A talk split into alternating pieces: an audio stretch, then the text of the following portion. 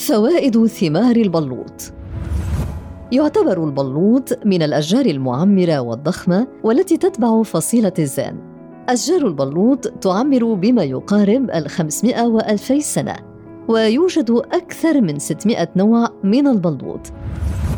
تنتشر في النصف الشمالي من الأرض ويصل ارتفاع بعض الأشجار إلى 30 متراً ومنها ما هو متساقط الأوراق في فصل الخريف والبعض الآخر دائم الخضرة وللبلوط أزهار صغيرة باللون الأخضر المصفر تتحول إلى جوزة البلوط وهي الثمرة وتكون الثمار بأطوال مختلفة تتراوح ما بين 13 و 50 ملم أشجار البلوط.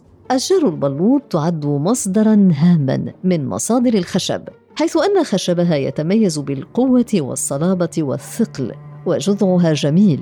ويستخدم في صناعة الأثاث وعوارض السكك الحديد والبراميل وتشييد المنازل بالإضافة إلى أنها تستخدم لاستخراج مادة التنن التي تستعمل في صناعة الحبر الأزرق وفي دبغ الجلود.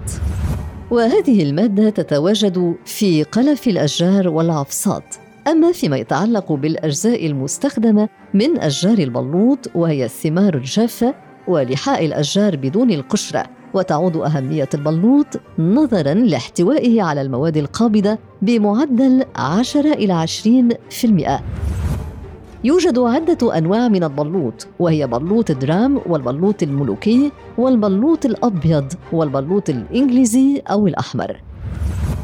فوائد ثمار البلوط تناول ثمار البلوط يساعد في التخلص من حموضة المعدة تعمل على علاج بعض حالات ضمور الكبد يمكن عمل قهوة من ثمار البلوط من أجل علاج حالات الإسهال وعلاج ضعف الأعصاب وطريقة عمل القهوة تكون من خلال تقشير الثمار وتجفيفها بالشمس ثم القيام بتحميصها وطحنها كالقهوة بحيث يغلى مقدار ملعقة من مسحوق ثمار البلوط في فنجان ماء وتشرب.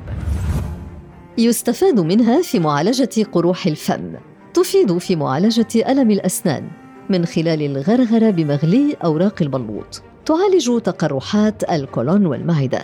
تساعد في معالجة تدرن الغدد اللمفاوية.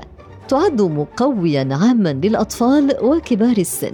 تقي وتعالج حالات التبول اللا إرادي والسلس البولي عند كبار السن. تعالج حالات البصاق الذي يكون مخلوطا بالدم وهو ما يسمى بالقيء المدمم. تقي من مرض سرطان الامعاء ومشاكل المعدة ومرض سرطان الرحم. يستخدم لحاء البلوط كغسول مهبلي لمعالجة إفرازات المهبل وألم الحيض وحالات سقوط الرحم مضافا إلى ماء الاستحمام. تساعد في وقف النزيف الداخلي مثل نسف البواسير باستخدامه كحقنة شرجية تفيد في مشاكل التقرحات الرقادية والقروح والجروح المتعفنة.